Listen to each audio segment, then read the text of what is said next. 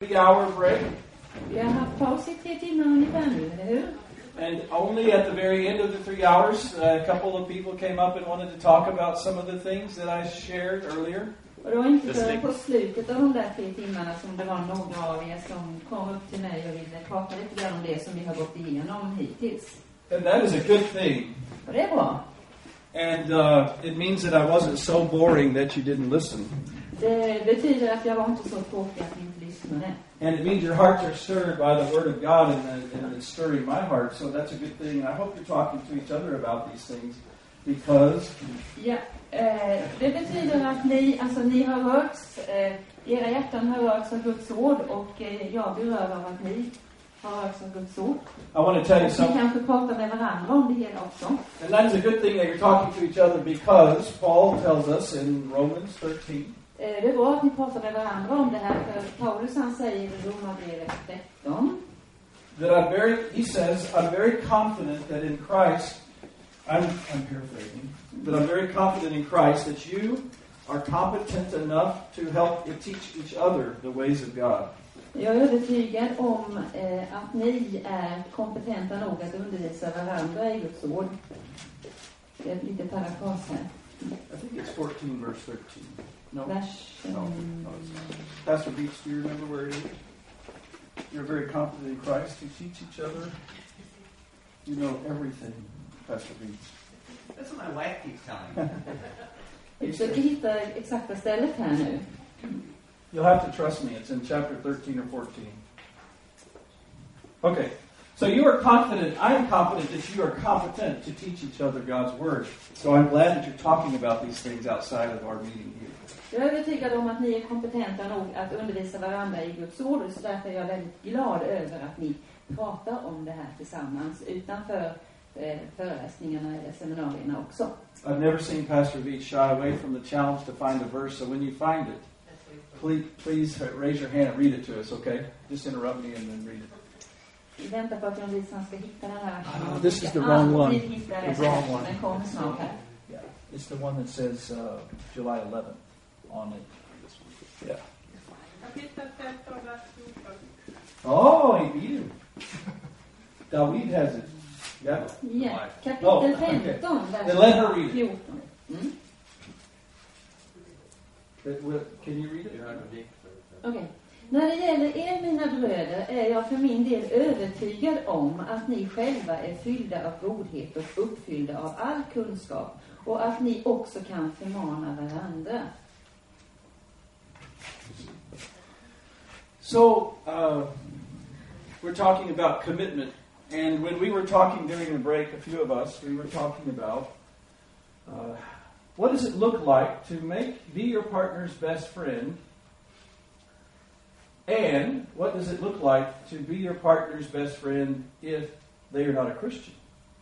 Eh, så vi talar alltså om här och under rasten så har jag och några till pratat lite grann om vad, vad det innebär att vara sin partners bästa vän och att vara det om partnern inte är kristen. When I was talking to Peter about coming this year, he told me that, that was a, those were some good questions to, to address. När jag pratade med Peter om mitt besök här i sommar så, så kom vi fram till att det är eh, frågor som är bra att prata om just här i Sverige. And so I have them in upcoming discussion questions for you. Så det finns med i diskussionsfrågorna som kommer sen. When we when we uh, go through those questions and those ideas, I really want you to speak up so you can help teach each other. Och när vi kommer till de här frågorna så vill jag verkligen att ni säger vad ni har på hjärtat för att eh, då kan vi undervisa varandra. But I do have some thoughts of my own to share with you from God's Word about the question, how to be the best Jag friend. har också eh, lite egna tankar från Guds ord här som jag vill dela med mig av till er.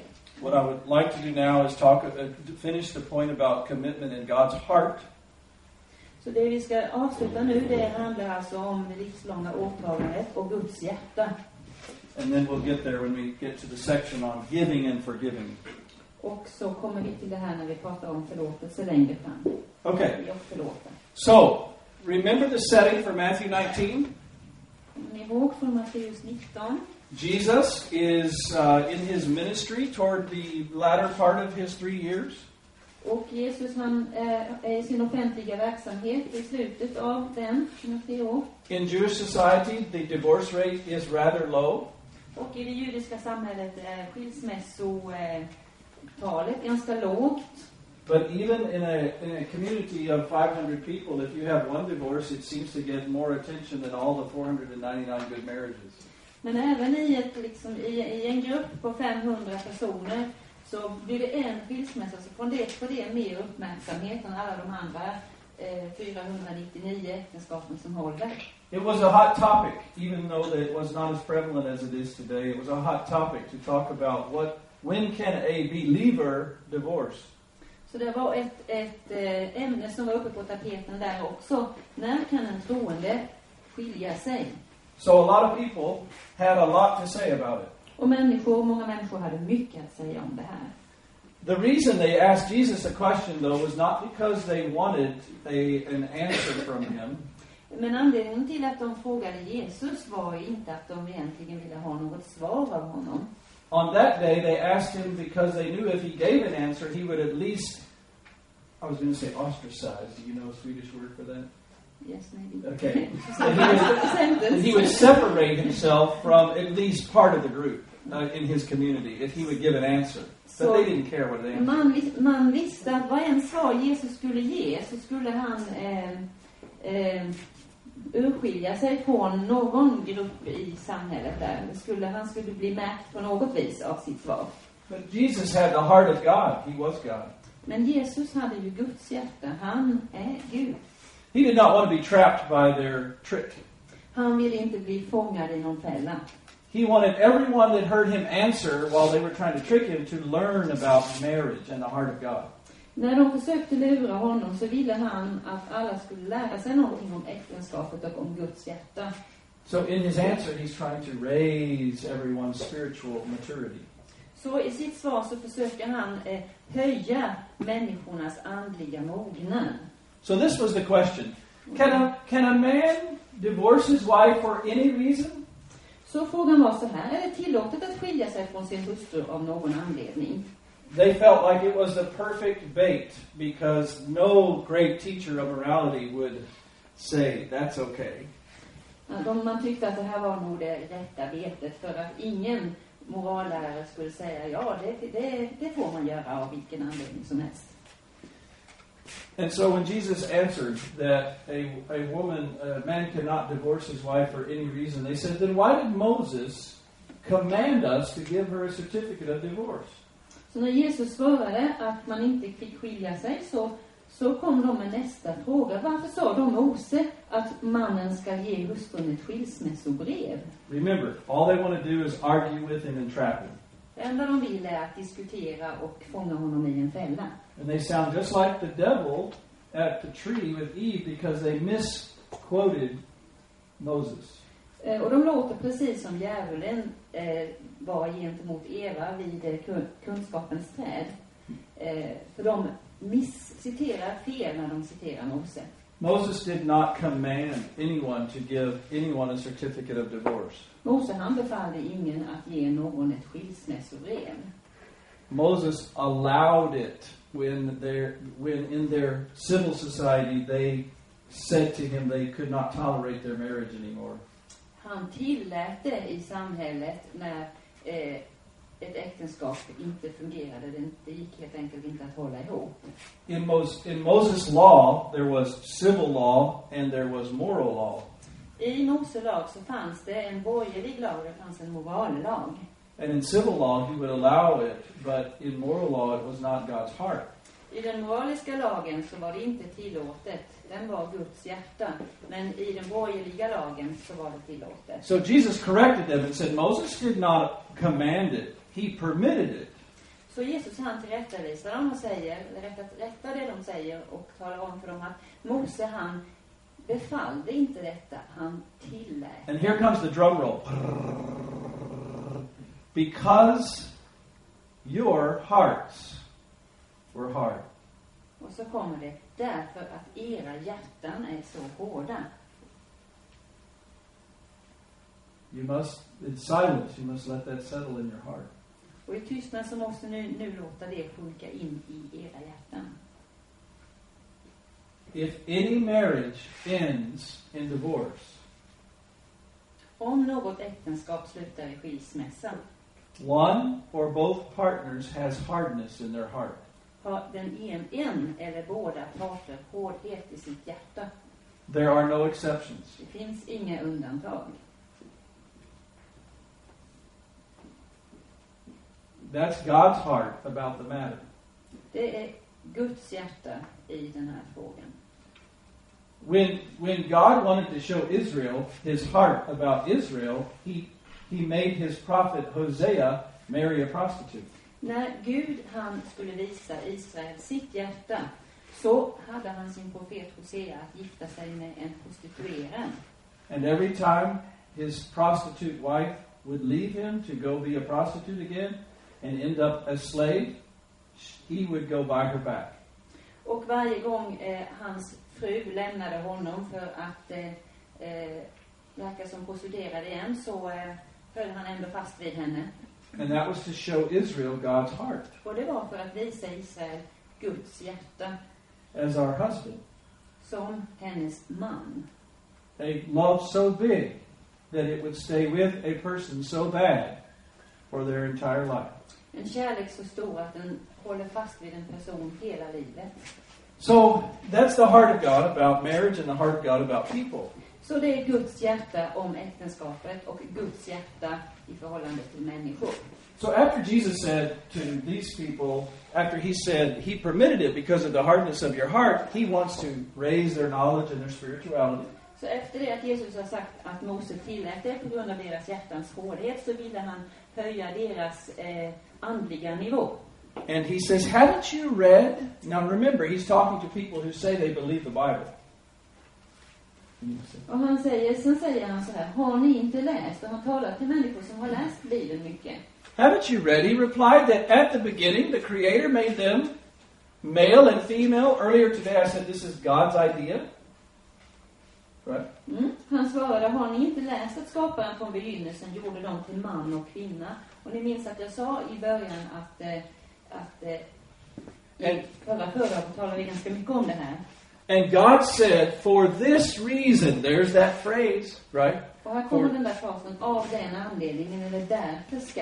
A man will leave his father and mother and be united to his wife, and the two will become one flesh. Därför ska en man lämna sin far och mor och hålla sig till sin hustru och de två ska vara ett kött. So, they are no longer two, but they are one.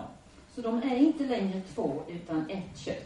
Therefore, what God has joined together, let no one separate. Vad Gud har fogat samman ska människan inte skilja åt. Now, he went on to give this one exception that we know about. Och så gick han vidare med, och, och tog upp ett undantag som vi känner till. But in your heart, before you go on to the exception, you have got to slow down and listen to God's word because it's telling you what's on God's heart. Men innan man går till det här undantaget så måste man lyssna först till Guds hjärta. We must be have a very strong aversion. Do you know a Swedish word for aversion? Mm, mm. Okay. We must have a very strong aversion to divorce Vi måste ha en stark avsky för skilsmässa. because no one divorces without there being hardness of heart. För det finns ingen som, som skiljer sig utan att det finns hårdhet i hjärtat. Nothing, no relationship will test you more, it seems, Eh, finns inget förhållande som, som testar dig, som sätter dig på prov mer. than remaining married in your heart to someone that is very difficult. Att förbli gift, i ditt hjärta förbli gift till någon som är väldigt svår att vara med. And the truth is, sometimes we think they're very difficult when they're actually not as difficult as we are. Ibland är det ju faktiskt så här att vi tycker de är väldigt svåra att ha att göra med fastän de inte är värre eller, eller är mindre svåra än vi själva. So commitment is from God's heart. Commitment is the way He He uh, teaches people to cooperate with Him to make two one. Så det, detta med att eh, hålla fast vid någon, det är det Gud lär oss hur vi ska hålla fast vid varandra. Let's go to the next slide. This is another passage from Malachi 2. How many of you did your homework and you read Malachi 2? Nu har vi ett ställe från Malaki 2. Hur många All right. är det som gjorde läxan? Self-righteous Lutherans we are. right? okay, if you didn't, that's all right too. But if you read it, the first part of Malachi 2 wasn't about this. But I want to tell you a little bit about the background of Malachi. Nu vill jag berätta lite grann om bakgrunden till det här stycket i Malaki. A lot of people that don't meditate on their Bible a lot don't realize this, but Malachi is one of the most emotional books in the Bible. Eh, människor som inte funderar så mycket på vad det är de läser i Bibeln eller tänker över det, de kanske inte lägger märke till att just Malaki är en av de mest känslomässiga böckerna i Bibeln. Remember, I've been telling you God treats himself as our husband and we are his wife. Kommer, ni kommer ihåg att jag har sagt att Gud, han, eh, han talar om sig själv som eh, maken och vi är makan. Malachi has a very unique structure. Och Malaki har en väldigt unik struktur eller uppbyggnad. It's like a spouse complaining to the other spouse about how they have hurt him. Det är som en, en make som klagar på den andra för hur han eller hon har behandlat honom. So, so throughout the book, God says through Malachi, "You do this and it hurts me." Genom Malaki så säger Gud så här. Eh, ni har gjort det här, du har gjort det här och det sårar mig. And his heart is wide open. Hans hjärta är vidöppet. What was happening in this time was that the priests and their followers were divorcing their wives easily. Eh, Det som hände på den här tiden, det var att prästerna, de skilde sig väldigt eh, ofta från sin fru. And they were, in some ways, they were trading them in for a younger, better model. De bytte ut dem mot, mot unga, vackra kvinnor istället. So God is the spouse who complains. Så här är alltså Gud, den brudgum som klagar. I'll read it. Another thing you do. You flood the Lord's altar with tears when you come to church and you cry. You weep and wail because you can tell God no longer pays attention to your offerings or accepts them with pleasure from your hands. And you ask, why? It's because the Lord is acting as the witness between you and the wife of your youth because you have broken faith with her, though she is your partner, the wife of your marriage covenant. Read that. Och för det andra gör ni detta. Ni översköljer Herrens altare med tårar, gråt och klagan, eftersom han inte längre vill se till offergåvan eller ta emot något från er hand med glädje. Och ni frågar, varför? Jo, Herren har varit vittne mellan dig och din ungdoms hustru. Du har handlat trolöst mot henne, fastän hon är din maka, din hustru som du ingått förbund med. In society, wherever there are people, marriage is one of the biggest things on earth that God put there to protect society. I samhället, då är, där är det alltså äktenskapet som är en av de allra viktigaste byggstenarna för att skydda samhället, bygga upp det. It brings so much blessing, so much stability, so much power for raising children that understand how to carry on the good things in life. Det ger sån stabilitet och en sån trygghet och för, och för barnen. Eh, It was God's invention to bring so many blessings to the mind and the heart and the life of the children. det var Guds uppfinning att ge så stora välsignelser eh, till barnen och samhället eh, genom äktenskapet. And the heart of the person that you marry, so that they would understand God and His commitment. Och även till de som är gifta, att de ska förstå Guds, eh, Guds mening. Remember Hosea? Kommer ni ihåg Hosea? He was told to love her and show the world what God's love was like. That's what I'm supposed to do for Mary. Hon, eh, han, han skulle visa sin fru hur han älskade henne genom allting och det är det jag ska göra gentemot min fru, Mary. So here's God sharing his heart. Verse 15. Has not the Lord made them one? Har inte han gjort dem till ett? In flesh and in their soul, their spirit? They are his. And why one? Do you, God is saying, do you think that was for nothing? Det som är kvar av ande tillhör honom. Och varför ett? Because, oh, I'm sorry. can't tell because I don't know any Swedish. No, jag förstår. Mm. Because he was seeking godly offspring. Han söker avkomma som hör Gud till. So guard yourself in your spirit and do not break faith with the wife of your youth. Så ta vård om er ande och handla inte trolöst mot er ungdomshustru. Emotions. Många känslor. I hate divorce. Jag hatar skilsmässa. Think of something you hate. Tänk på någonting som ni hatar.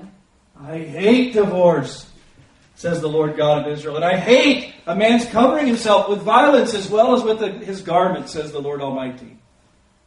Jag hatar skilsmässa, säger Herren Israels Gud, och att man höjer sig i våld, som i din klädnad, säger Herren Sebaot. So guard yourself in your spirit and do not break faith. Så ta vård om er ande och handla inte trolöst. Now, my question, which maybe is just rhetorical, is do you see how God feels about commitment in marriage? Eh, Och min fråga här, och det kanske är en retorisk fråga, lägger ni märke till vad Gud tänker och känner om äktenskapet? And so, one of the greatest gifts you can give your children, your spouse, and the church and society, can you remember all those? Is a commitment till death do us part. Så det största som man kan ge till sina barn och till samhället och till sin make eller maka, det är att hålla ihop sitt äktenskap tills döden skiljer den åt. And it is one of the hardest and one of the uh, most powerful at the same time things that you can do in life is to remain married till death do us part. Det är en av de svåraste och är också en av de mäktigaste sakerna du kan göra i ditt liv. Det är att stå fast i ditt äktenskap till livets slut. So let's let's ask a few questions. Nu har vi några frågor. And you can ask some too. Where in the two passages does God teach us that marriage is God's thing and not just ours? Var i de två ställena säger Gud, lär Gud oss att äktenskapet är Guds In Matthew och 19, inte where, vårt. in Matthew 19, where does God teach us this is my thing and not just yours? Var i Matteus 19 hittar ni det? Yeah. Yeah, what God has joined together, let not man not separate. So when I Gud har eh, sammanfogat ska människor inte skilja åt. So when I have a couple that comes for pre-marriage counseling, this is one of the most somber and sobering conversations that I have. I said, do you realize once you say I do at that altar, that now you have entered holy ground that is God's ground? Eh,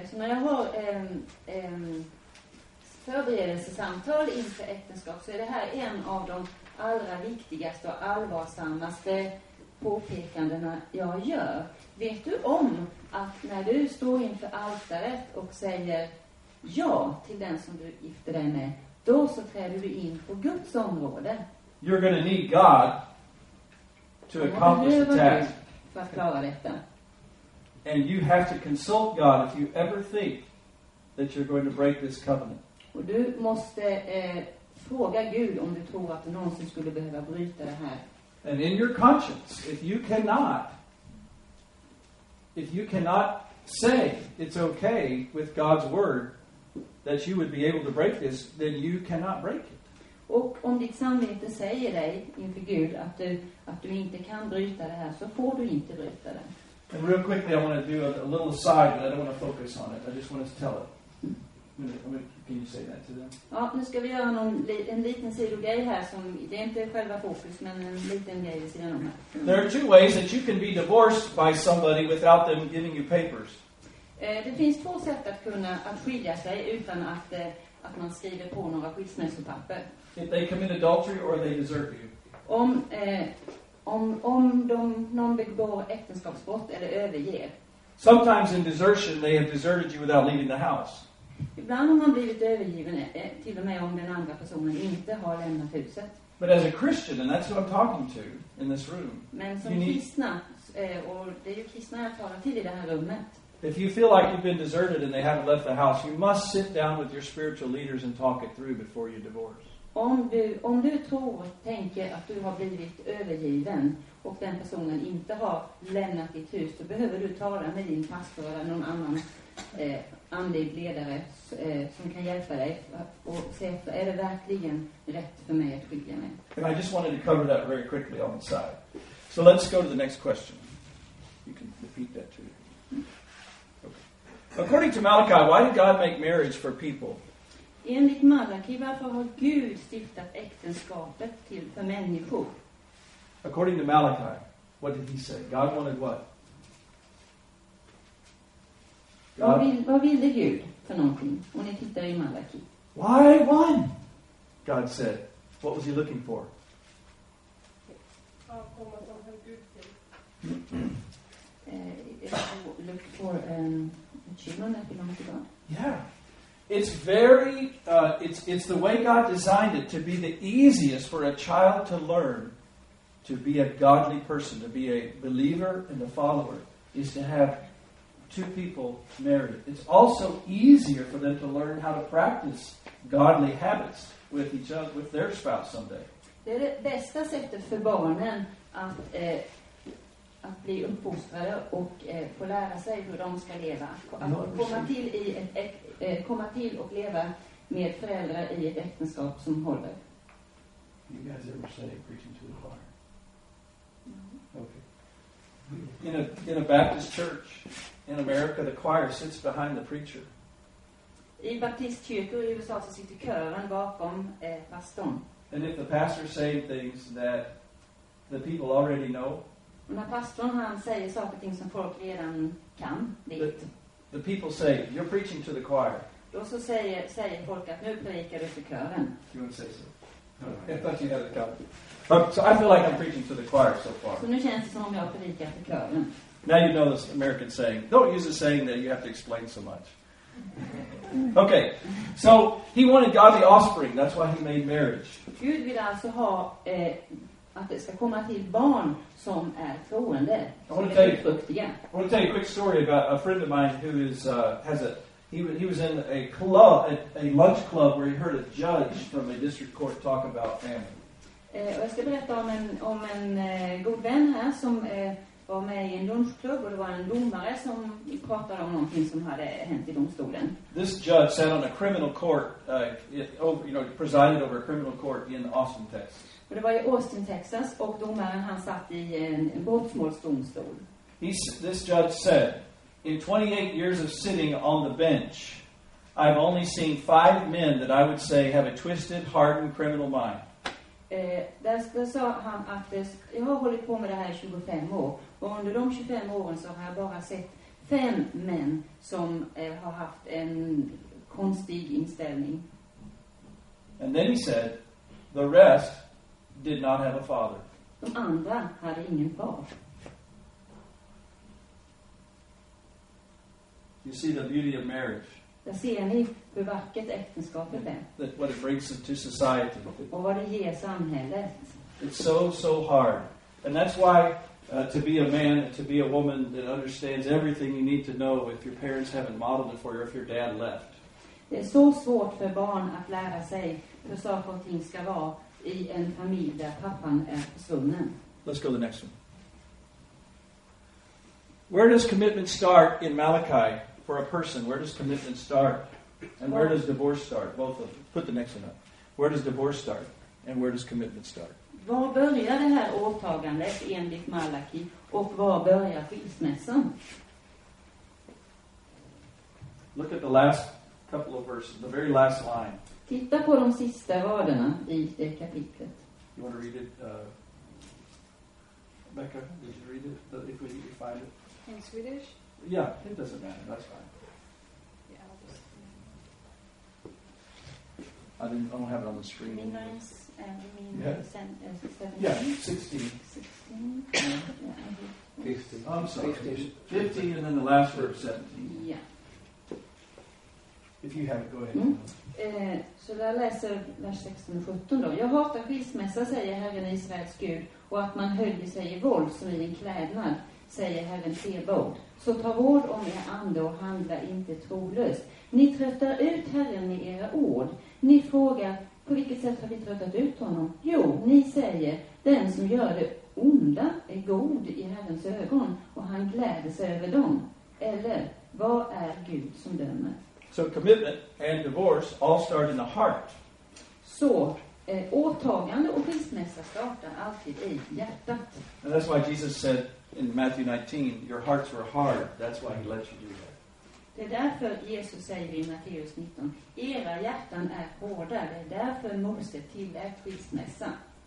It is the message that we can give to all the people in our secular society that make marriage so uh, unimportant.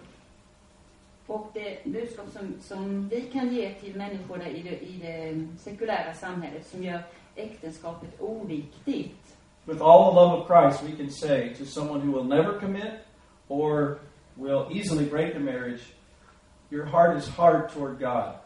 Det vi kan säga till de människorna det är, era, ditt hjärta är hårt gentemot Gud. That, that will hurt. Och det gör ont. But remember, Jesus at the well said to the woman, You must worship God in your spirit, with spirit and in truth. Men kom ihåg vad Jesus sa till kvinnan vid brunnen, att ni ska tillbe Herren i anda och sanning. In John chapter 4, she had been married five times, and the man she was living with was not her husband, and she wanted to argue about religion. Hon, hon eh, hade varit gift fem gånger och den hon levde ihop med nu var hon inte gift med. Och så ville hon diskutera religion. And the one sin he picked out so that he could show her her need for a Savior was her hard heart about marriage. Och den synd som, som Jesus plockade fram var hennes hårda hjärta när det gällde äktenskapet. So I'll just say for all of you young people that are not married yet, Till alla er unga som inte är gifta än vill jag säga. if you meet someone who says, No, we don't need to be committed in marriage, we just will be boyfriend and girlfriend living like a married couple, they may not know enough to realize this, so you don't have to be, I need to stop, you don't have to be harsh with them, but you need to tell them, Your heart is hard, and I, we need to talk about that. Eh, till alla er unga vill jag säga det att om ni träffar någon, någon tjej eller kille som ni blir intresserade av och som tycker att eh, ja, det är inte så viktigt att vi eh, lovar varandra evig trohet i ett äktenskap. Då måste ni på något sätt, inte på ett hårt sätt utan på ett vänligt sätt säga till den här personen att ditt hjärta är hårt gentemot Gud. And then you can talk about the soft heart Sen kan man prata om ett mjukt hjärta that God has toward us som Gud har mot oss. that makes him make a commitment to never leave us. Som har fått honom att göra ett åtag, det åtagandet att aldrig lämna oss. And you can tell them that you have a soft heart and you're ready to make that commitment. Och du kan säga att du har ett sådant mjukt hjärta och är redo att göra ett sådant åtagande. to someone who would have a soft heart back and would make the commitment that they would stay soft your whole life and stay committed to you.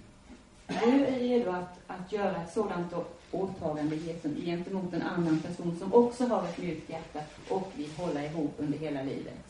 What I'm trying to show you is that God's law springs out of his heart. It's not just a moral put down on us like a set of rules. Det jag vill visa för er att, är att Guds lag är någonting som kommer, flödar ut ur hans hjärta. Det är inte någonting som han kom, bara placerar ner så här ovanför och trycker ner oss med. In Romans 13, the Apostle Paul says that love is the fulfillment of the law.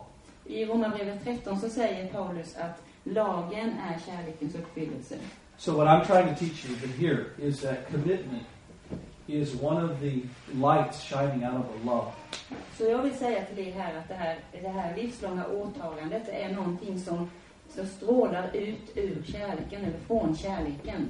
Okay, let's get to the good part. We'll let you discuss some things, and then so bring, bring them on the next slide. Okay, bring bring all the discussion questions up. You should have this on your sheet. There are one, two, three, four questions. Ni ska ha det här på era papper. Det är fyra frågor. I want to do it this way. I'm going to I'm going to real quickly uh, ask the question to the group, the number one. So we will not do that when we break out. Uh, yep, I'm going to do number two with you, and then I want you to take the last two together and talk about it. Okay? Vi ska göra nummer ett och två tillsammans här och nummer tre och fyra ska ni göra i grupper. The atom bomb ended World War II. Eh, atombomben gjorde slut på andra världskriget. The Japanese and the Americans were playing war. Eh, amerikanerna och ja- japanerna, de lekte krig They were contending with one another. och slogs mot varandra.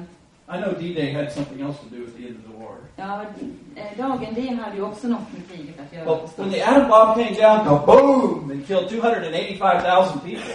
Och när, those two atom, bombs. och när atom, atombomberna föll och dödade 285 000 människor, det var två bomber. The Japanese said, "We're done." Så sa, då gav japanerna upp. Why is why is telling someone or hinting that you might divorce them the end of trying to even argue to solve something? Varför är det att man börjar ens nämna att ja, jag kanske kan tänka mig att skilja mig från dig en atombomb i ett äktenskap. Att det, då blir det slut med försöken att försöka lappa ihop saker och ting.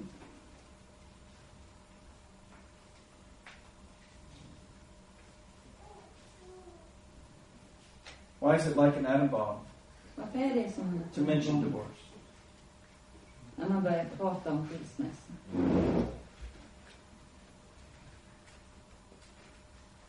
Ser man det som en möjlig utväg?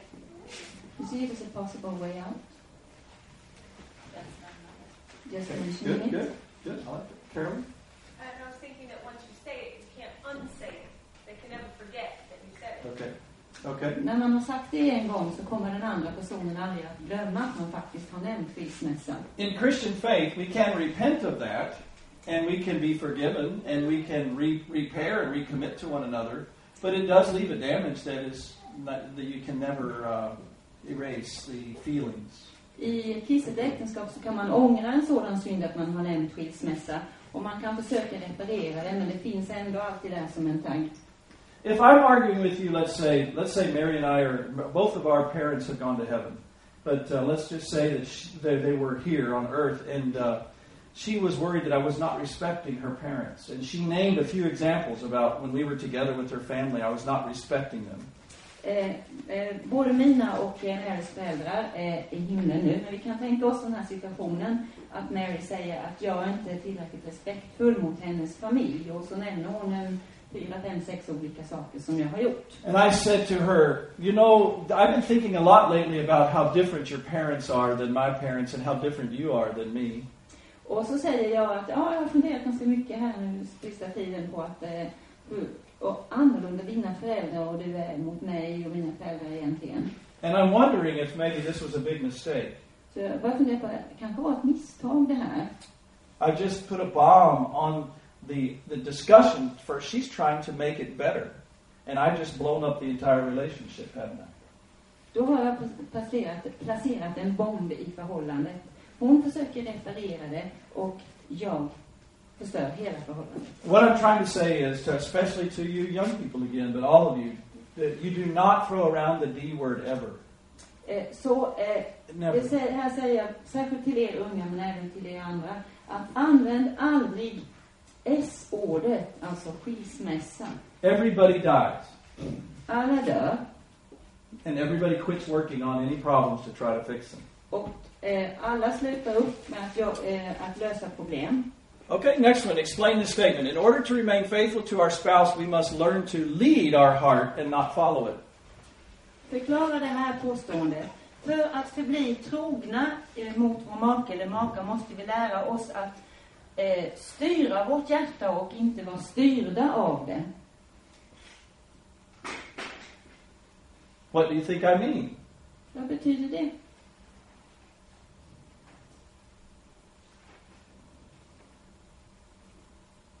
Learn to lead our heart. Uh, because we have sin in our hearts and it probably lead us to more things. So we need to Good. Sin in our heart can lead us to more sin, and we have to lead it back. Eh, Vi har synd i vårt hjärta och det kan leda oss till mer synd och vi måste leda tillbaka hjärtat då. Shakespeare said in one of his plays, Above all else, to thine own self be true, and then as the night follows the day, your life will turn out okay. I, I paraphrase the last line. Ja, det var ett citat från Shakespeare här. As the night follows, no. Above all else, to thine own self be true, and as the night follows the day, your life will be all right.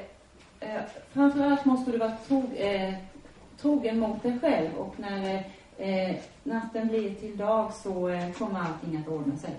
In Western civilization, that's become a very big saying. Och det är någonting som man säger ganska ofta i den västliga världen, västcivilisationen. The saying is to thine own self be true. Var, tro, tro, var trogen, trohet mot dig själv. Is that true? Är det sant? How many love songs that you listen to talk about following your heart? Hur många kärleksvisor som ni har hört handlar om att följa sitt hjärta? Maybe 98% are about feelings of love and following your heart, right? Kanske 98 procent är alltså kärlekskänslor och att följa sitt hjärta. We must lead our hearts. Vi ska styra vårt hjärta. Let me let me throw a Bible passage at you. Nu ska ni få ett bibelställe här. Jeremiah 17, verse 9 and 10. Jeremia 17, 9 och 10.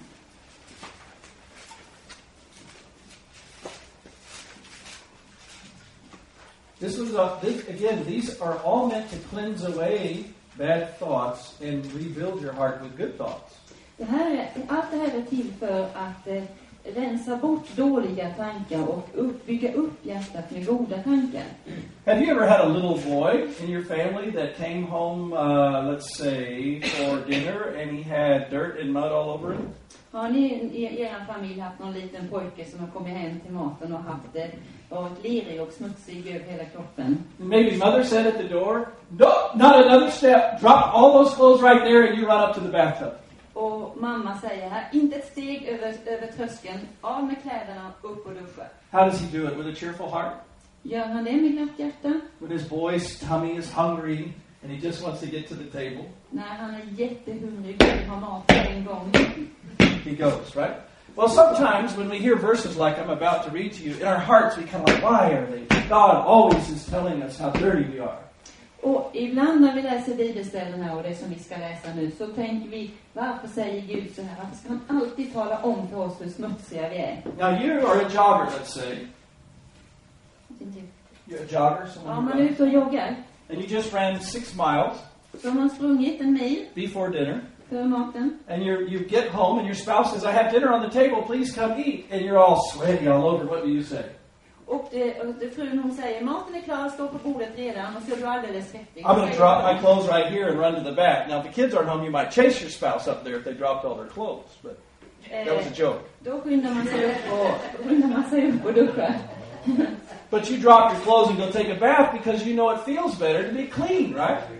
Duschar It is better to be clean. Man skyndar sig och duschar för det är mycket trevligare att sitta och äta man är ren. So here's what God says in Jeremiah about your heart. Så det här säger Gud om, eh, i Jeremia bok eh, om Se. våra hjärtan. Your heart stinks. Era hjärtan luktar Okay. illa. Would you read it in King James or New King James? Uh, not, chapter 17, 9 and 10, and this is in New King James English. The heart is deceitful above all things and desperately wicked. Who can know it? I, the Lord, search the heart. I test the mind, even to give every man according to his ways, according to the fruit of his doing. Bedrägligare än allt annat är hjärtat. Det är obotligt sjukt. Vem kan förstå det? Jag, Herren, utforskar hjärtat och prövar njurarna för att ge åt var och en efter hans vägar, efter hans gärningars frukt. Okay, this verse is not just about marriage, it's about all of life. Det här stället handlar inte bara om äktenskap, det handlar om hela livet. But that's why I bring it in here about marriage because it's, it's simple and it's clear and it, it helps you answer the next question. Men jag tar med det här ändå därför att det är tydligt och klart och det hjälper oss att besvara nästa fråga. I want to take you back to the story of Cain and Abel. Så, och nu försöker vi komma ihåg berättelsen om Kain och Abel. Abel's still alive, and Cain is jealous, and he every time he sees Abel, he gets jealous and doesn't like it. Eh, Abel han lever fortfarande och varje gång Kain ser Abel så blir han avundsjuk. Och han vill inte vara nära honom. And God looks down at Cain and he says, Why is your face downcast? Och eh, Gud han, han tittar ner på Kain och säger Varför är ditt ansikte så mörkt? He says, Well, you accept Abel's sacrifice, but you don't accept mine. Ja, då så svarar Kain att du accepterar ju eh, Abels offer men inte mitt. Now, the next line is the one that's the most important for what I'm telling you. Och nästa rad är den viktigaste för det som jag nu ska berätta. God said to Cain, This is Genesis 4. God said to Cain, Sin crouches at the door. Då säger Gud till Kain att synden lurar vid dörren And he wishes to rule over you. och den vill styra över dig, But you, över dig. But you must rule over him. Men du måste regera över den. That's God teaching him to lead his heart. Cain thought his problem was Abel. So Det är Gud som försöker lära honom att styra sitt hjärta. Cain thought his prob- big problem was Abel, and Cain's big problem was Cain. Eh, Kain tyckte att hans stora problem det var Abel, men Kains stora problem var Kain. Now, uh, circle your chairs and answer the next two questions. Okej, det är dags att sitta i ring och besvara de här två sista frågorna. And I'm looking for lots of good answers on what to do. What to do, what to do.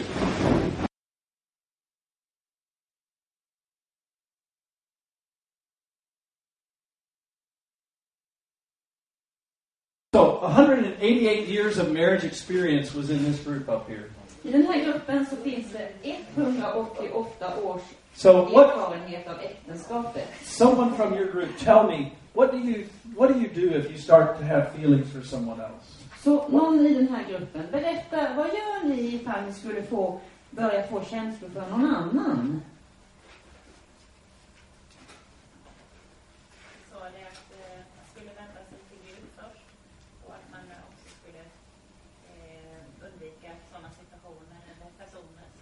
Turn to God first and then uh, try to avoid situations and people, those people that you stop taking feelings for. Good. Anybody else in the group? Did anybody else say anything in the group that you wanted to add to that? Någonting som ni vill tillägga ifrån den här gruppen? All right. This group, did, what did you come up with? Anybody want to be the spokesman? Vad kom ni fram till i den här gruppen? Quite the same. Your clever wife had a good, good thing there. She can tell. Okay, go ahead. Uh, just to, um, well, there's two different things. One, I didn't get to share with the group. That um, I believe when when you're struggling and you're having feelings or emotions for someone, Det är två olika saker. Det första då, om, när, om, när du kämpar med det här och börjar få känslor för någon annan. I think it would be wise to go to your mate and share, I love you and I want you in my life and I'm struggling right now and I don't like this feeling I have. I want you as the center of my life outside of God. Eh, att man säger till sin, sin make då att eh, jag har det svårt nu. Jag vill ha dig i mitt liv och du ska vara centrum i mitt liv förutom Gud. Men just nu har jag det lite kämpigt. Uh, if if for some reason you feel your mate cannot handle something like that, then my suggestion would be to go to a, someone that is a Christian that has the same values you do toward a marriage, toward marriage. Eh, om, du, om man känner att ens make inte, eller, ma, eller maka inte kan hantera det här så kan man prata med någon annan kristen syster eller bror som man har förtroende för eh, och försöka få hjälp på det viset. Because if they value marriage, they will also help you um, hold you accountable to say this is wrong, and maybe come back in a few weeks and say where are you, how are you doing, and support you. Eh, och eh, eh, om, om det här är en, en, en bra vän då så kommer de att, att eh, påpeka det här att det där, det där som du börjar släppa in i ditt liv nu det är farligt. Och kanske ta upp, med, tar upp det med dig sen om några veckor. Hur går det nu? Har du försökt sätta stopp för det här?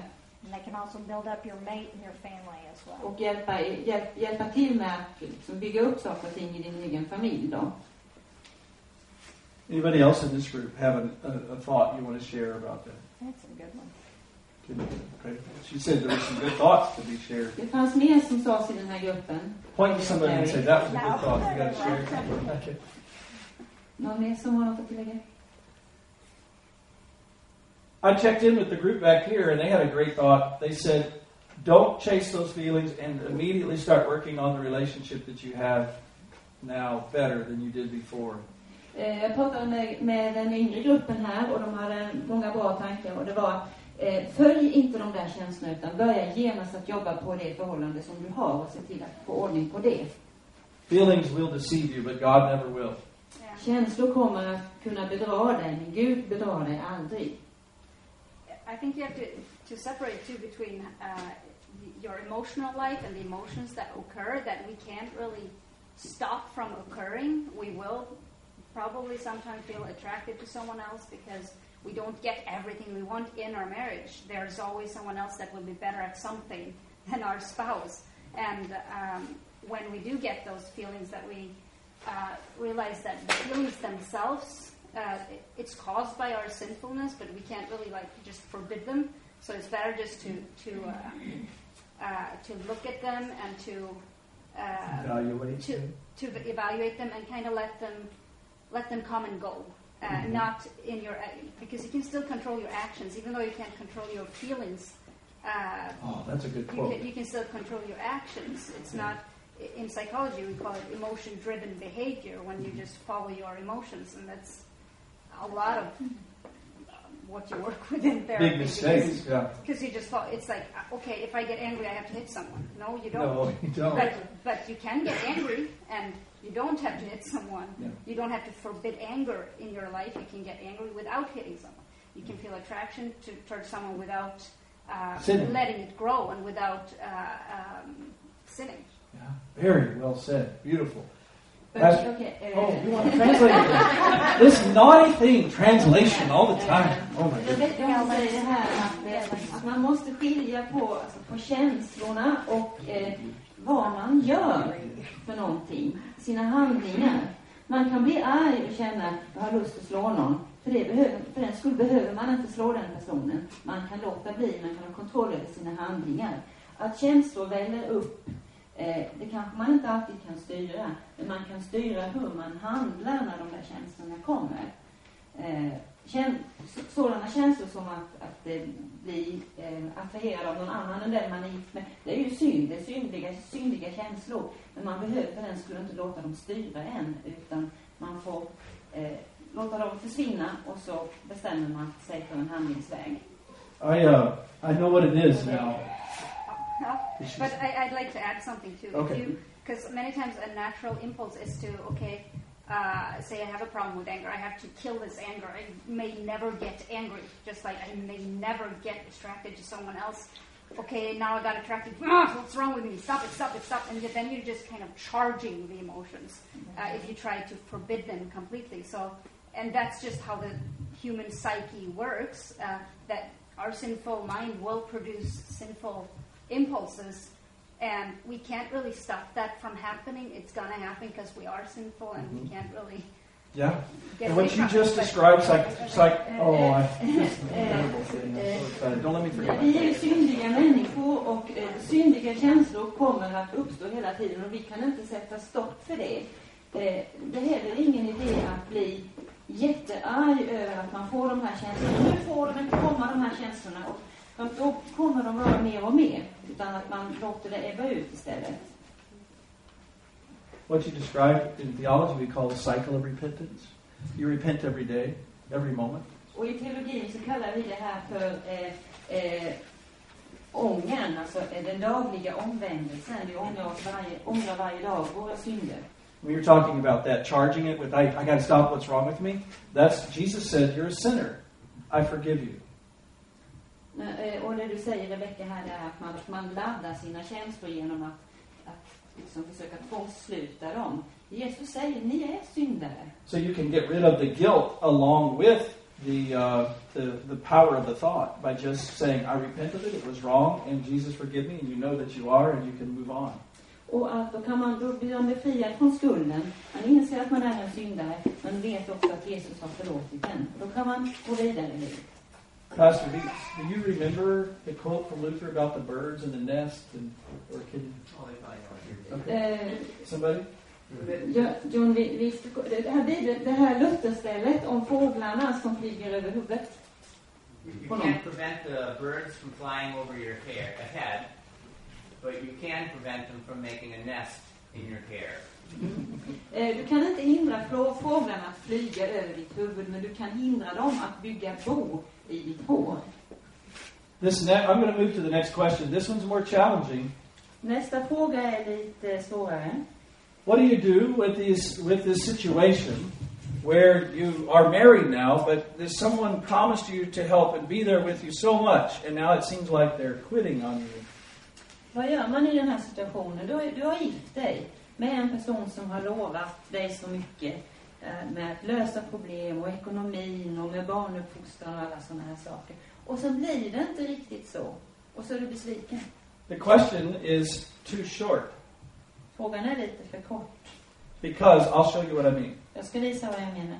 What do you do to fix the problem in the relationship Hur gör du för att eh, ordna problemet i förhållandet? is different than the question, what do you do to keep showing the love of Christ? Är annorlunda än vad gör du för att visa kristen kärlek? Or what do you do with all of your negative feelings? Eller vad gör du med alla dina negativa känslor? Or what do you do about your anger Eller once vad you gör have du it? med din vrede när den har dykt upp? You see why the question's too short? Okay? Most of us read this question, what do you do to fix the whole problem? De flesta av oss läser frågan, vad gör man för att fixa hela det här problemet? Why is that so hard? Varför är det så svårt? It takes two people to fix that problem, Det behövs två personer för att man ska kunna lösa det här to make problemet. it completely go away. För att det ska kunna försvinna helt och hållet. And how successful have you been at fixing every problem in your relationships? Och hur, hur lyckosamma har ni varit att, att eh, lösa alla problem i era förhållanden? Era olika förhållanden. So the secret to getting along and figuring out what to do is, is in your faith life as a Christian with Jesus. Så eh, att lösa de här problemen, eh, lösningen ligger i ditt trosliv och ditt, din tilltro till Kristus. There may be some things where you can learn about conflict resolution, and we're going to go over them in, a, in next. Det finns saker man kan lära sig av eh, hur man löser konflikter. However, the, uh, the, uh, you cannot resolve all the conflicts if the other person doesn't want to help you resolve them. Men man kan inte lösa alla konflikter ifall den andra personen inte vill hjälpa till att lösa dem. When you were not ready to resolve something with God, what did He do with you? När du inte var villig att eh, lösa en konflikt med Gud, vad gjorde Gud då? He waited. Han väntade. You know the story Jesus told where about God waiting? Eh, kommer ni ihåg en berättelse som Jesus berättade om hur Gud väntade?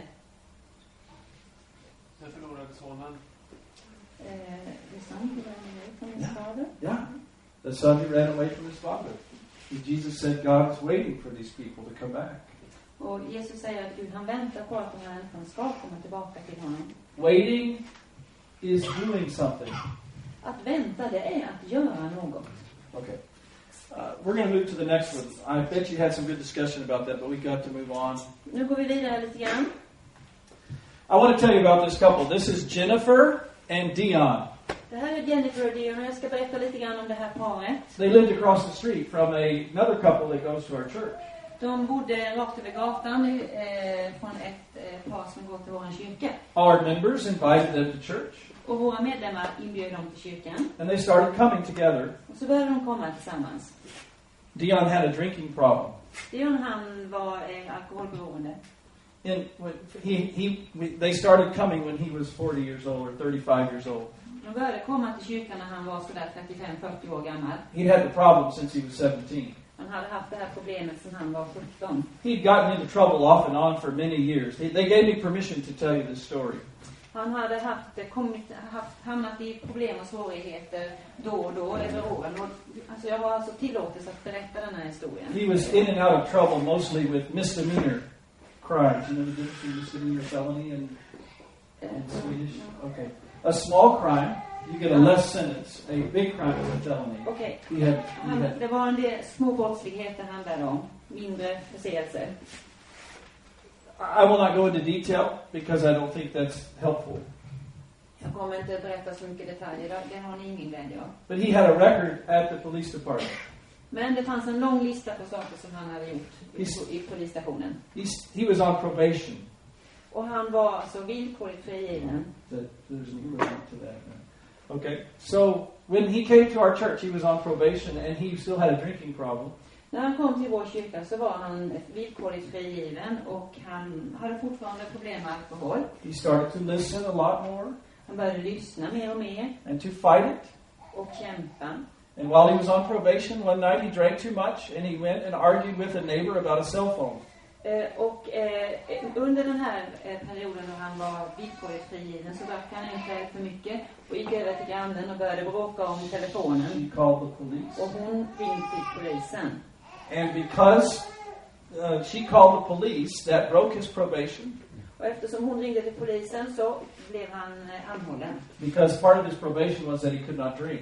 För ett, ett villkor för att han skulle få vara eh, villkorligt frigiven var att han fick inte dricka. And he had to go serve a 10 year sentence. Och han fick sitta tio år i fängelse. With good time, he would get out in two years. Och om han skötte sig bra så skulle han få komma ut på två år. We were in the courtroom, the staff of church was in the courtroom with him. Och vi var i, eh, tingsrätten eh, eh, när domen föll. He cried like a baby. Och han grät som en bebis. The judge said, I don't care. Och domaren sa, det bryr jag mig inte om. He said, You need to go sit and think about the way you approach life. Du behöver sätta dig ner och tänka över hur du, hur du eh, gör i livet. So off he went to jail. Och han hamnade i fängelse. And we came to see him often. Och vi hälsade på honom ofta. And he read his Bible all day long. Och han läste Bibeln hela dagen. His wife asked me, the, a couple of weeks after he went off to jail, she asked me a question. She said, My mother says, drop the man. Eh, ett par veckor efter det han hade hamnat i fängelse så, så berättade hans fru för mig att hennes mamma hade sagt till henne att varför skiljer du dig inte från honom? Gör dig av med honom. He's caused you so much trouble. Han har ställt till så mycket problem för dig. This will never end. Och det här tar aldrig slut. They had two little children, and he had a teenage daughter that she was raising for him. Eh, de hade två små barn och eh, han hade en tonårsdotter som hon uppfostrade då. We asked her, her, my other staff members, and we asked her, What does Jesus say? Och vi eh, frågade henne då, vad säger Jesus om det här? She said, It's going to be hard, but I think Jesus is saying for me to stay committed to him. Eh, det, eh, det kommer att bli svårt, men jag tror faktiskt att Jesus säger att jag ska hålla fast vid honom. As a single parent, she made ends meet for two years cleaning houses for other people. Eh, under två år så, så eh, tjänade hon pengar genom att städa hos andra och försörjde sin familj. He grew in his faith dramatically in jail. Och hennes man växte mycket i sin tro medan han satt i fängelse. He came out of jail and they had a new wedding. Eh, han kom ut ur fängelset och de gifte om sig med varandra. He started working as a handyman because no one would hire him because now he was a felon. Här, han började jobba eh, som hantlangare, för det var svårt att få ett vanligt jobb när han har suttit i fängelse. An old boss hired him back after a couple of years, and now he became a, a partner in the business. En som han hade jobbat för tidigare gav honom jobb efter ett par år och efter ytterligare ett par år så fick han bli delägare i företaget. They are both very active in our Christian church, De är mycket aktiva båda två i vår kyrka. and he and his partner have many people working for them, and they build walls to the motorway. Bridges, han och walls on hans, the bridges. eh, i företag, företaget som han jobbar i, de bygger alltså em, murar till broar för motorvägarna. And I just share that as one story about commitment. Det här är alltså en berättelse om ett livslångt åtagande. That's a beautiful story about commitment. Och det är en vacker historia om The, the women and men around them that know them de män och kvinnor som finns runt om de här och känner dem. have a living demonstration of how Christian marriage works, even when one has hurt the other one. Har en eh, levande vittnesbörd om hur kristna äktenskap fungerar, även när den ena personen har sårat den andra mycket. Okay, we're going to uh, we're going till five. Would you stand up and give yourself a break? We got 30 hålla på minutes. till fem, ställ er upp och rör på er lite grann. You go to the bathroom, please. How about take five minutes and I'll just you hear me talk and you come back. Ta fem minuters rast, eh, gå på toa och så här, så är ni tillbaka om fem minuter så kör vi igen. Never get back. I think so.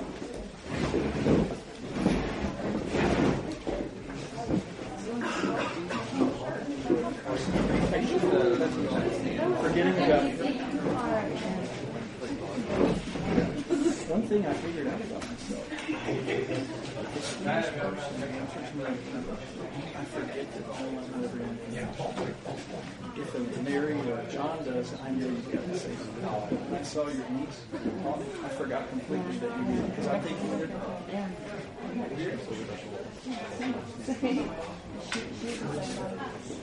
Is she practicing?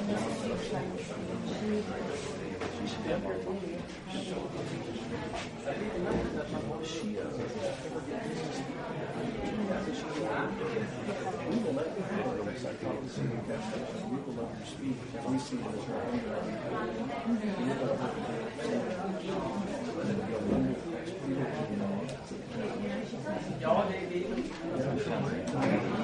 I didn't. I saw you talking to Blaine.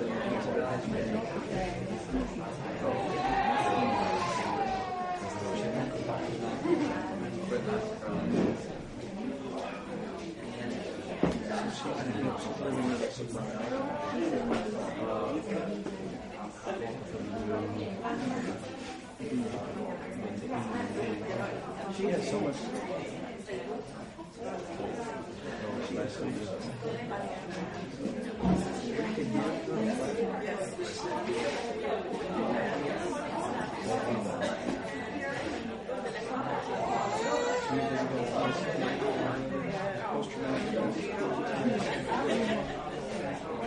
Is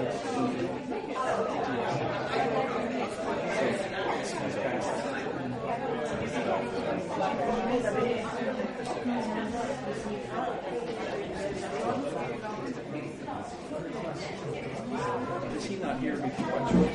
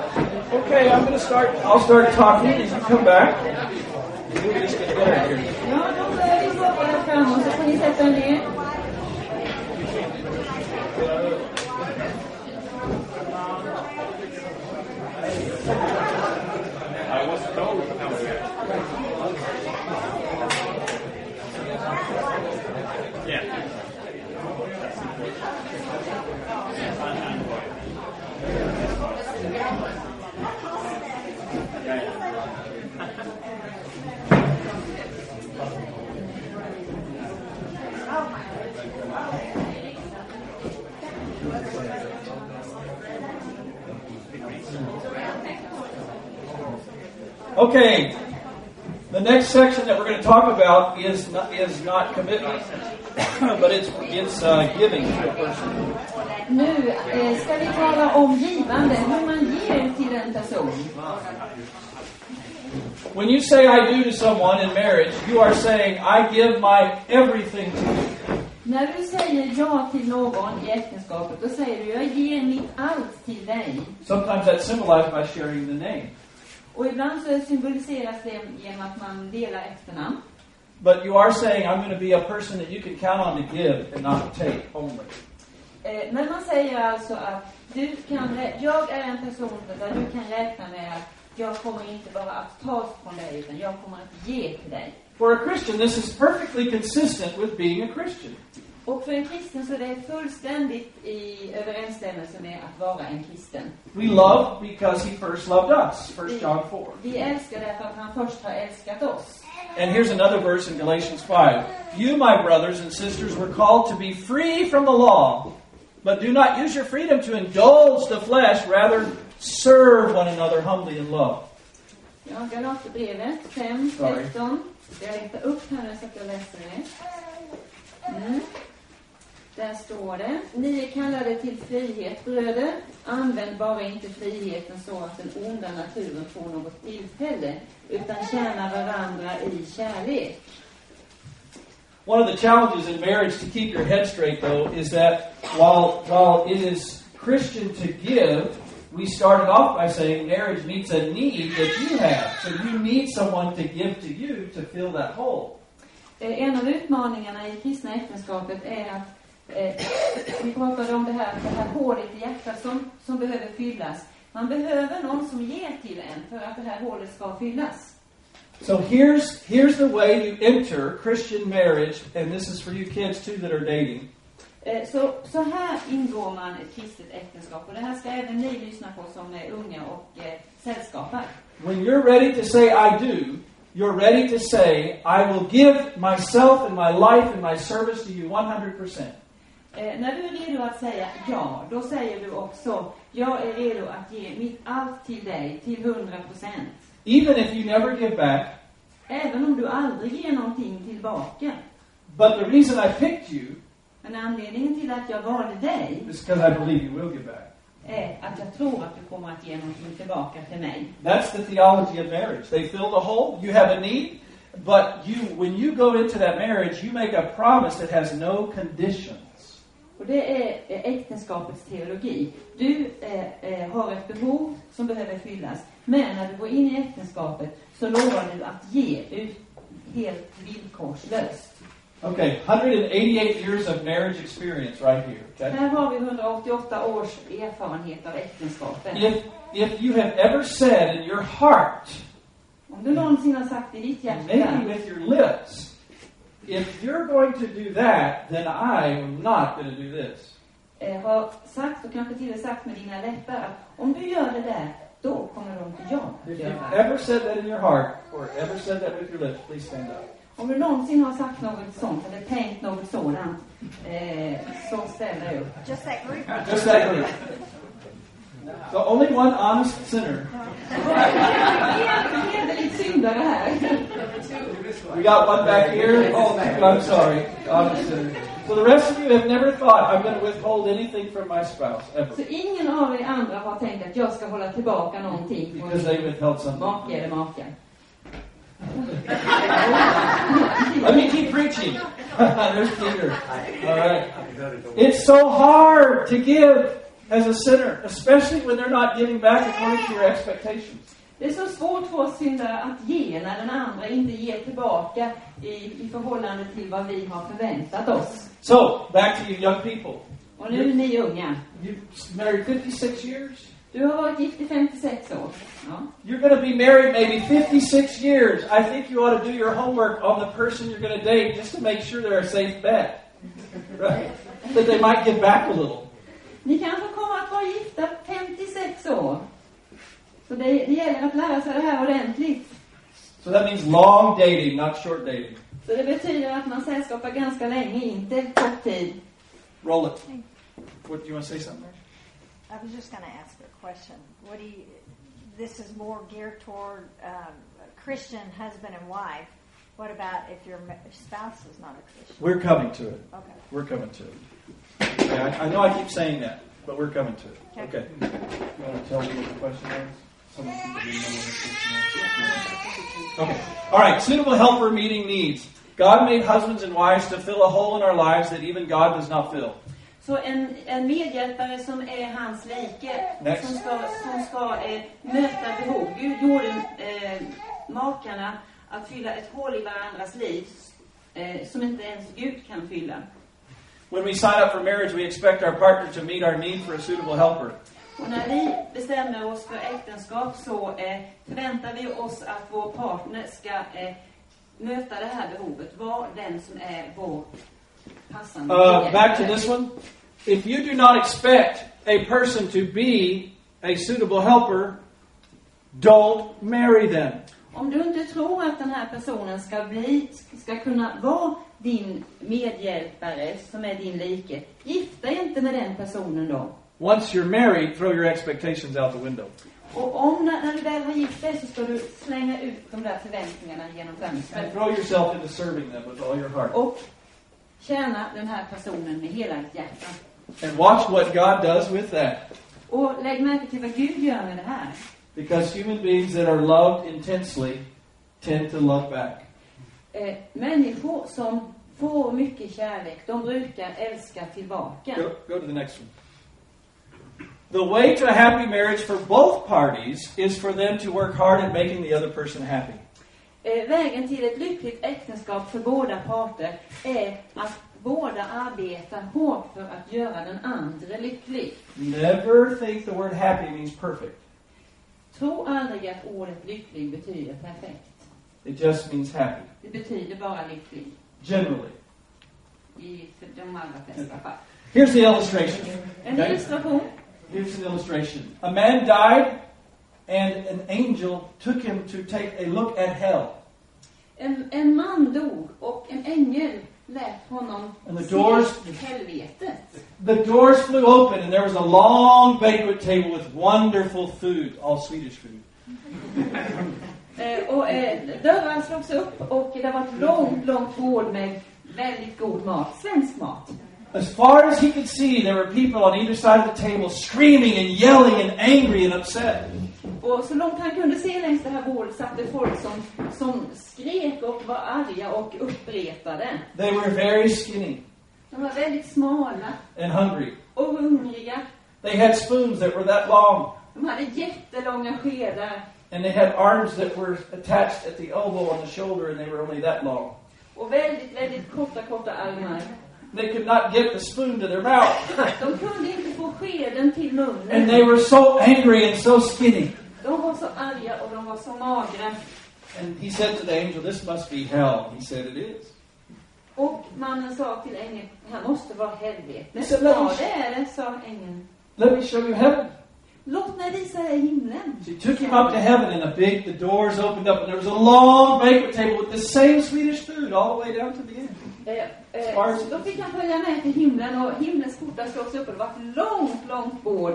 Alldeles fullt med svensk The people mat. were joyful and happy and fat. And well, I know Swedish people are fat, but you know what I mean. They were happy. And they were eating. You know how they were eating? Och vet ni hur de åt? They had short arms and long spoons, De hade korta armar och långa skedar. but they fed each other across the table. Men de matade varandra över bordet.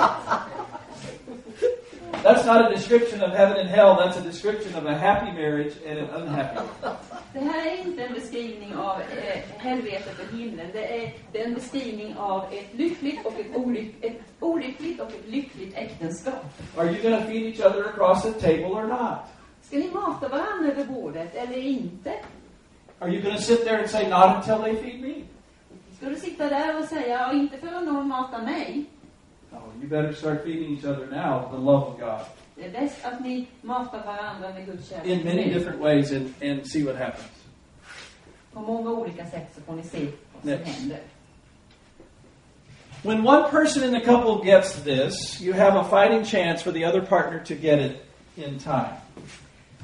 Eh, när en person i ett par först understands, Yeah, yeah, that's what I, that's a, it's a colloquialism for så, understanding. ja, så har man chans att den andra så småningom också ska fatta den. Next. Det får du ta en gång till. Eh, när en person i ett par förstår en sak så har man möjligheten, så finns chansen att den andra också så småningom ska fatta den. Yeah, the word understands again. When neither partner understands this, both suffer intensely, and those around the couple work harder to help them. När ingen av dem förstår det så lider båda två Och de runt omkring det här paret, de får arbeta väldigt hårt för att kunna hjälpa dem. This is that one of those secrets to a happy relationship is that you help each other and serve each other.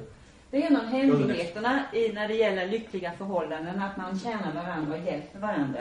When both partners understand it, the marriage will be happy, even though never perfect.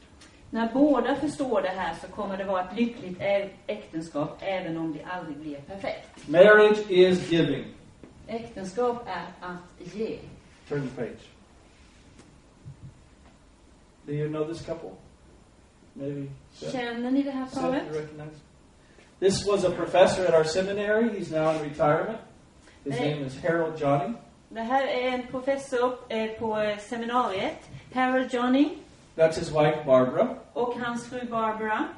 And they were 78 maybe when that picture was taken. Och de var 78 när den här bilden togs. I, I took a picture of a picture. I saw that in his nursing home room. Jag tog alltså ett foto av ett foto, för jag, hitt, jag såg den här bilden på eh, eh, hemmet där han bor. The picture was in one of those uh, digital frames where the pictures keep coming up. Det var i en sån här digital eh, eh, fotoram. I had to stand there for three cycles until I caught it. Right. Fick, det fick gå tre rundor innan jag lyckades ta precis den här bilden. The picture is very valuable to me, this one, Och den är mycket värdefull bild för mig. because this is one of the wisest couples I've ever met about love and marriage. För det är en av de, de visaste människor som jag har träffat när det gäller just det här med äktenskap och kärlek. She died of a heart attack about 18 months, two years ago, I think. Hon dog av en hjärtattack en cirka två år sedan. He was just diagnosed with Lou Gehrig's disease, and just yesterday he had a heart attack. Han har fått en allvarlig sjukdom och han fick en hjärtattack bara för någon dag sedan. But he, uh, they intensely loved each other as friends and lovers, and they raised seven children together. Men de älskade varandra som vänner och som, som kärlekspartner och hade sju barn tillsammans som de uppfostrade. And frankly, they don't really look like they're that good at kissing anymore, Och det ser inte ut som om de är sådär jätteduktiga på att kyssas längre. but they didn't stop Men de slutade inte ändå. Because they loved each other and understood that. För de älskade varandra och förstod det. Harold Johnny says to people about marriage, Harold Johnny säger eh, så här om äktenskapet. your goal in marriage is to make the other person happy. Eh, målet med äktenskapet är att göra den andra personen lycklig. That adds listening that the kids were saying earlier, Och till det kommer att lyssna. because you can try to make someone happy your own way, but that's what would make you happy, not what would make them happy. För att du kan försöka göra någon lycklig på ditt sätt. And when Det they were är in, inte så säkert att det är det sättet som den andra personen vill bli lycklig på. I just blew a gasket. when they were when they were in their uh, middle of raising their seven children, När de höll på att uppfostra sina sju barn he told me about a time he had to put his foot down because he wasn't getting enough attention. eh, så kommer han ihåg ett tillfälle där han liksom riktigt stampade i golvet för han tyckte han inte fick tillräckligt mycket uppmärksamhet. Maybe he wasn't giving enough. Han kanske inte gav tillräckligt. But they went away and they talked about it and they made they made changes so they could get time together away Men de reste bort ett tag och eh, pratade om det här eh, och såg till att de fick mer tid för varandra. So you, life, your goal is in marriage to be lifelong lovers and best friends. Så målet med äktenskapet är att vara, att vara bästa vänner hela livet. This is going to be fun. We've got uh, 10 minutes. We'll get it started. On the next three slides, you'll see three different categories that needs that men and women have. That when you get to each slide, we'll do two things. Flip the rest of the slide up. Eh, Okej, vi, ska, vi ska göra någonting tillsammans här nu. Eh, vi ska titta på tre olika behov som alla har och göra lite grann med dem. Med dem. How many of you have read books like His Needs, Her Needs type books? Många av er har läst böcker som handlar om hans och hennes behov av olika slag. We have some needs that are the same, men and women, and we have some that are different. Vi har behov som är de samma för både män och kvinnor. Vi har behov som kan vara olika också. Today, I'm, gonna, I'm separating them into three groups spiritual needs, Jag kommer att sätta- dela upp dem i tre grupper. Andliga behov, emotional needs, känslomässiga behov, and physical needs. fysiska behov. Okay? I want all the men, in just a minute, all the men to go to the back of the room. Om ett litet ögonblick så kommer alla män i rummet att samlas längst ner. That's where most men like to sit at church Och anyway. det är där män oftast brukar vilja sitta i kyrkan. All the women at the front of the room, Och alla kvinnor samlas här framme. And you are together as a group of men and a group of women, you are going to come up with your top five needs, or maybe not, top three needs in every category. Och eh, tillsammans i grupperna så ska männen för sig, kvinnorna för sig komma fram till en lista med tre behov inom varje grupp här. Andligt behov, eh, känslomässigt behov, fysiskt behov som ni kan enas om. We have 10 minutes. You've been, think- you've been thinking about your needs for years. Ni har tänkt på era behov i You många don't år. need to take longer than seven to come up with your top three in spiritual, emotional, and physical. Och det behövs inte mer än sju minuter egentligen för att komma på tre behov för så fysiska, eh, känslomässiga och andliga. Then we're going to tell as a group the other group what those needs are. Sen ska ni som grupp tala om för den andra gruppen vilka, behov, vilka som är era topp tre behov inom What- varje kategori. And what Simone told us is earlier is we're going to listen. Och det, vi ska göra det som Simon sa tidigare. Vi ska lyssna på varandra. Okay, so ready to go. Då startar vi. Uh, Peter, you'll be the interpreter back there. Make sure everybody understands everyone. Someone take notes. Canella, be the interpreter up here. Make sure somebody takes notes. Seven minutes.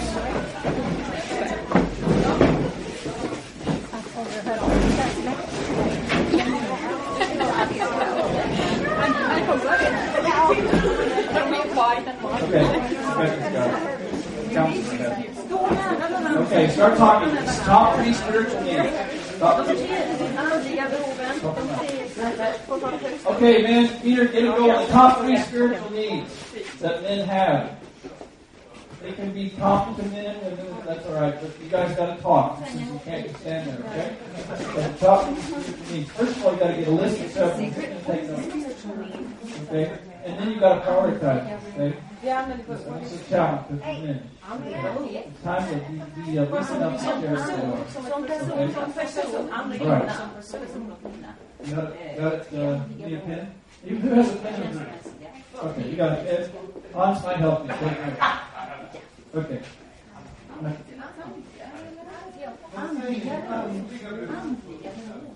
Men det det behöver inte vara Christian- Christian leader. Det behöver inte vara betraktaren utan det kan vara bara dess... Just general. Is it in your marriage or is it general? In your marriage. In your marriage. I äktenskap. Pick one, it doesn't matter. Either one. Christian leader. An, andliga behov i äktenskapet, eh, känslomässiga behov i äktenskapet och fysiska behov i äktenskapet. Som man förväntar sig av den andra kanske då alltså. Hon sa att mannen ska vara en, en kristen ledare i hemmet. A Christian leader in the home. Till exempel.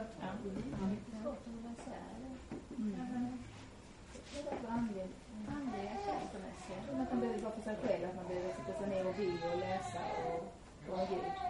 Ha tid, ha tid with. To, she's a time to be able to be alone and pray. Spiritual. Yeah, that she needs time to, to be able to do that. Andliga, det har med tron att göra eller? Nej. Ja, Spiritual about faith. Men då har jag ju behov av Bibeln och gå i kyrkan. Kyrkan, det tänkte jag också. A need to go to church. I have a need to be a member of church and be involved in the church. Man ska gå i kyrkan och involvera i Christian Tillsammans med sin familj.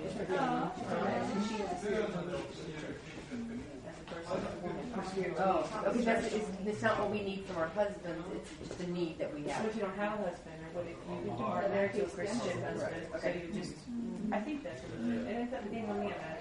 Det är väl ett- ett behov. Yes, yes. Also in, in your marriage. Have this in your marriage in one way or the other. Vad ska uppfostra barnen? Raise our children in a Christian way. Yeah, the need to raise children. Men det är klart kvinnor tänker mer på det, eller? Tänker more på det. We need a lot. Emotional? An emotional need? Vad är det? Känslomässiga behov? Jag behöver mycket bekräftelse, så konstigt. Bara jag, jag vet. Jag vill, att- jag vill att han ska säga ja, jag förstår, ja, du har rätt. Och, ja, men det är klart. Lyssna på dig. Alltså, I need a lot of affirmation. I mean, I'm very, I seeking affirmation. Uppskattning. Uppskattning. Appreciation. We need to be appreciated. Yeah. She's, hon sa respekt. Respekt. Ett behov av att ha- få respekt av sin man. Respekterat av sin man. Och att man får prata liksom till den andra och inte att man samtidigt tittar på. Ja, Ja, det bygger ju lite med respekt också. Mm. Jag struntar i vad du säger.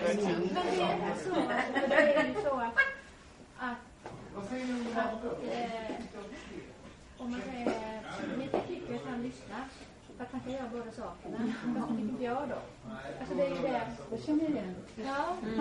Ja, men jag lyssnar. Men säger han en gång så. Ja, men jag lyssnar. Jag gör två saker samtidigt. Jag, men liksom, titta vad jag gör. Så han tittar på mig. Ja, men pratar du? Jag lyssnar. Ja. Jätteroligt. Jag skulle med Man ögonkontakt. You don't have eye contact. They're saying that their husbands say like, yeah, here you just talk and listen, and they keep doing something at the same time. But they, they want their eye contact. They want their like connection. They want physical, would that be emotional? Emotional. Eye contact, isn't it? Well, you know, I'm not touching. Is it eye contact, right? Is that emotional? Is that physical? Är fysiskt? Hon säger det fysiskt. Fysiskt, ja. Det är både och kanske. emotional is to be loved. Att- att Det är det är inte att man är älskad, säger hon. En behov av det är att jag är älskad. Han hör det med ord. Och för jag har fixat bilen. Ja, jag håller Det är också ett sätt att säga jag älskar. Jo, men då har jag fixat bilen det det. Men det bara- är sådana saker och aldrig... Alltså, det alltid inget. Are y'all on physical now?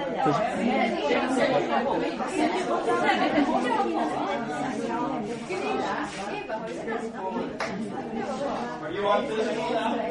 Okay, good. Uh,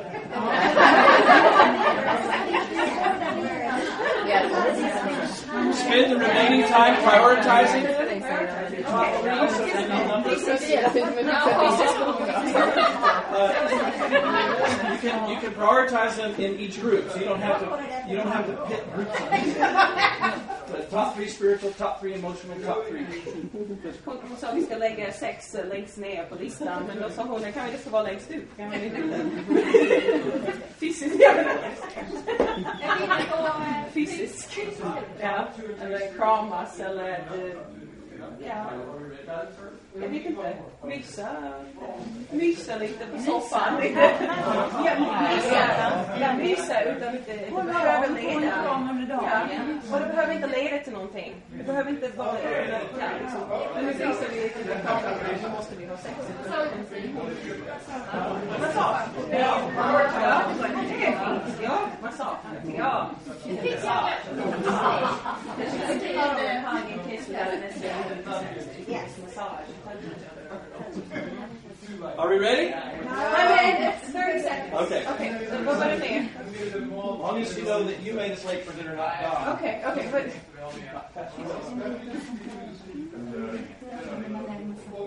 Yeah, a little, just a little, a, a touch, a little, a little.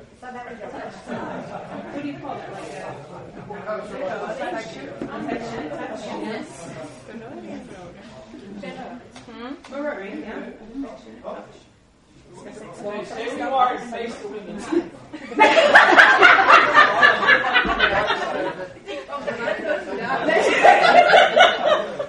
Jag tycker det var många listan upp. Jag stryker den helt och hållet. Okay, okay, I'm ready for you. Everybody stay where you are and face the men. Okay? All right, let me train you how this works, okay? So, so, so, so, so often, when we share our needs with each other in a relationship, especially in marriage, someone says, I need for you to be more loving by X, X, X. Eh, ofta är det så här att man säger att jag, behöver, jag, jag skulle vilja att du visar mera kärlek genom att så och så och så. The other person says, I, I do that all the time. I do this, I do this, I do this. Och den andra personen säger, men jag gör ju det hela tiden. Jag gör ju det här och jag gör det här och jag gör det här. That's a non-stopper, starter. A Det, och non-starter. det, det slutar aldrig. So today, I'm going to show you how this works. Nu ska jag visa hur det funkar. Men, we always let the women go first. When they tell us their top spiritual need, we don't defend ourselves. We say, that's a very good point. I'm going to try harder to give that to you.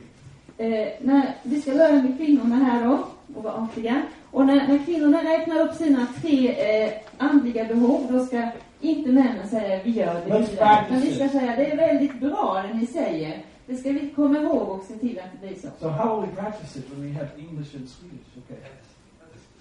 We'll do it in Swedish, okay? That, on the count of three, you'll say, it's a very good point. I'm going to try harder to give that to you. Eh, så när han räknar till tre så, säger ni, så ska ni svara så här. Det var ett, ett bra påpekande. Det ska jag försöka ge dig. One, two, three.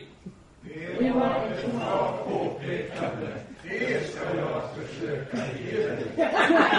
Such emotion. okay. All right. What is your very top spiritual need? We didn't really get to prioritizing. Okay. Have- Can I just say what we came up with? Um, was one at a time. One at a time. This is a this is an exercise. Okay. One at a time. dem fast. Okay. Uh, a Christian leader in the home. En kristen ledare i hemmet. Det var ett bra förslag. How did that feel?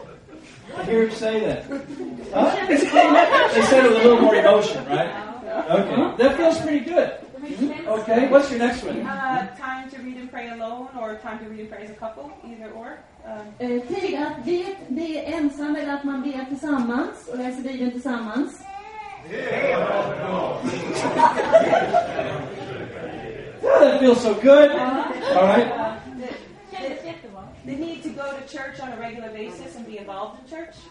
Eh, vi har behov av att gå till kyrkan regelbundet eh, med familjen. Don't say anything about the boat now. Just.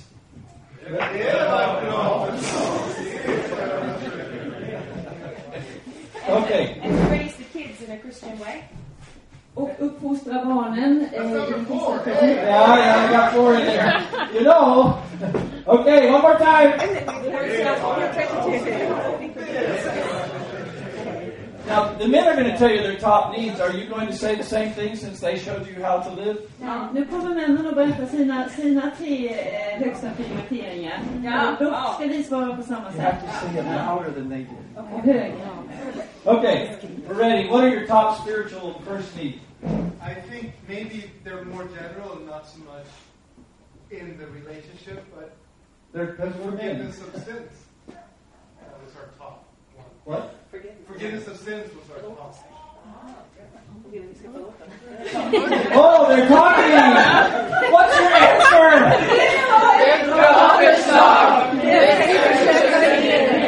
Okay, so this is this is this is how that looks. Okay, this is how that looks. On the count of three, I want you to say. She didn't tell you. Okay, tell the Swedish speaking. The first one. Eh, syndernas förlåtelse var deras första förslag. Nej, men ramsan skulle du säga. That, what it, that was the phrase. They said that their greatest need was the forgiveness of their sins. Yeah. And you were supposed to say, that's a very good point. I'm going to try to do better. bra förslag. Jag ska försöka. Det And they did. göra. Okay. So now, this is how that looks. Ofta, that's Norwegian, right? I forgive you of everything. Can you say that? You ready? One, two, three. Jag You're not going to do that, are you? Come on, you can do it. I forgive you of everything. One, two, three. Go. Alltid. Alltid. And I will tell you I forgive you more often. Okej, förlåter dig. Jag ska förlåta dig oftare. How does that make you feel? Okay. What's your second? Eh, Tillfälle att höra och läsa ordet. So to hear and listen to, no, hear and read God's word. bra förslag. Det ska vi göra.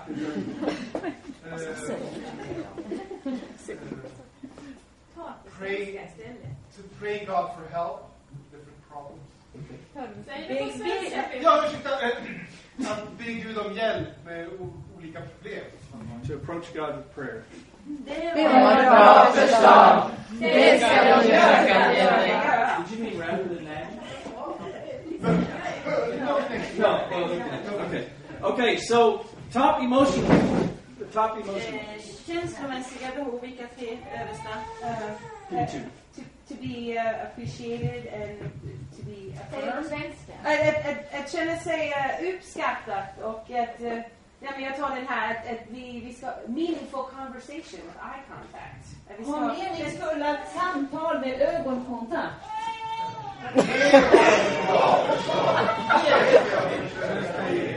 Why did you say that with gritted teeth?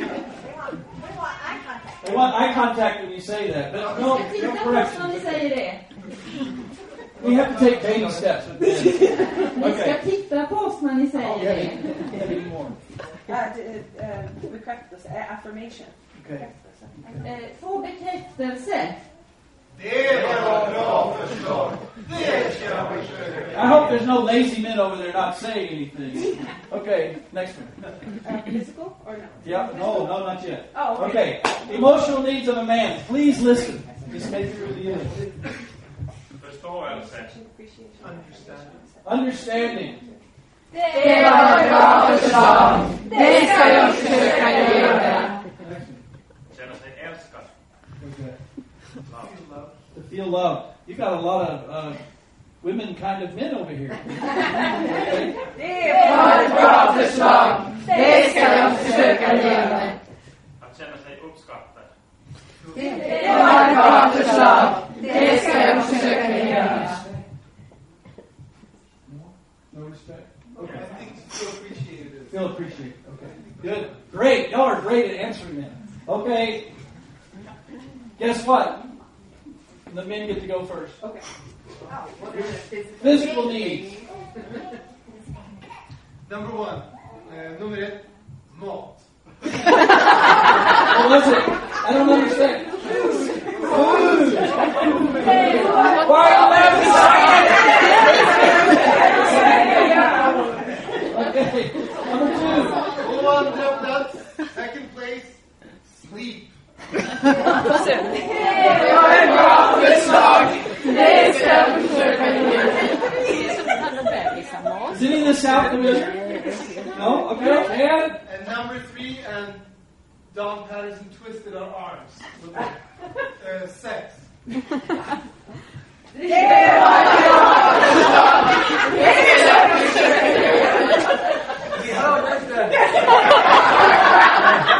say, say louder.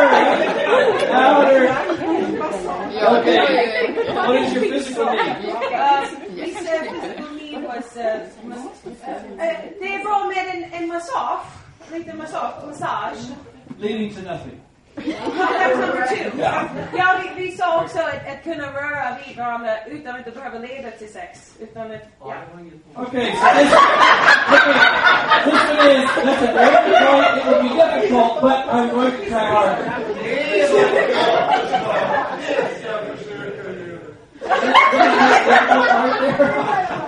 And then, Yeah. and then the, You, you need to hear it again? Yeah? Okay. Alright. and then, and then number three, number three on the list was sex at another time. Woo! At another time. Always at another time. Always at another time. Nummer tre var att ha sex. Det var nummer tre på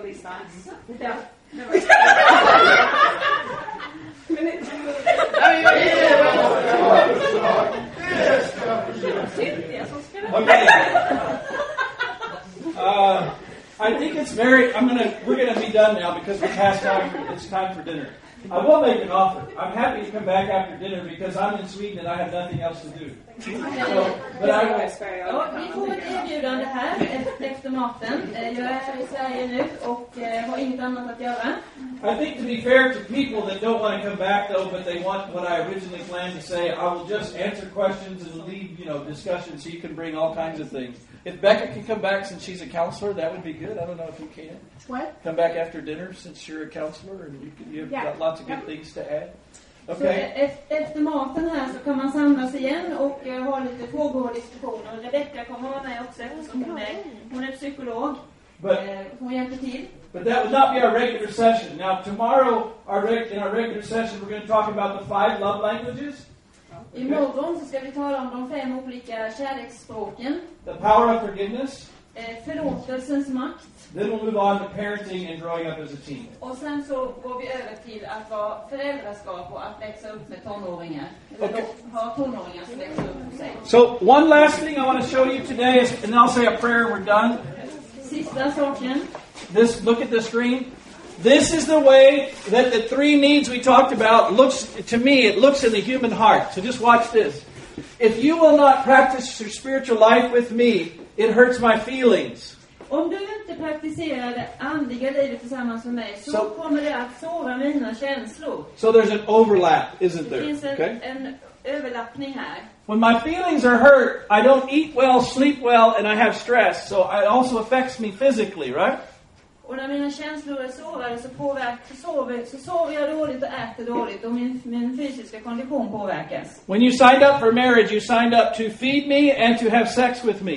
När du, när, du, när du gifte dig med mig så lovade du att ge mig mat och ha sex med mig. You, you also signed up to take care of me physically without always wanting sex with me. Du har också lov- lovat att ta hand om mig rent fysiskt utan att When you don't- skull då, då ha sex med mig. When you don't fulfill those needs, it hurts me because you've sinned against me.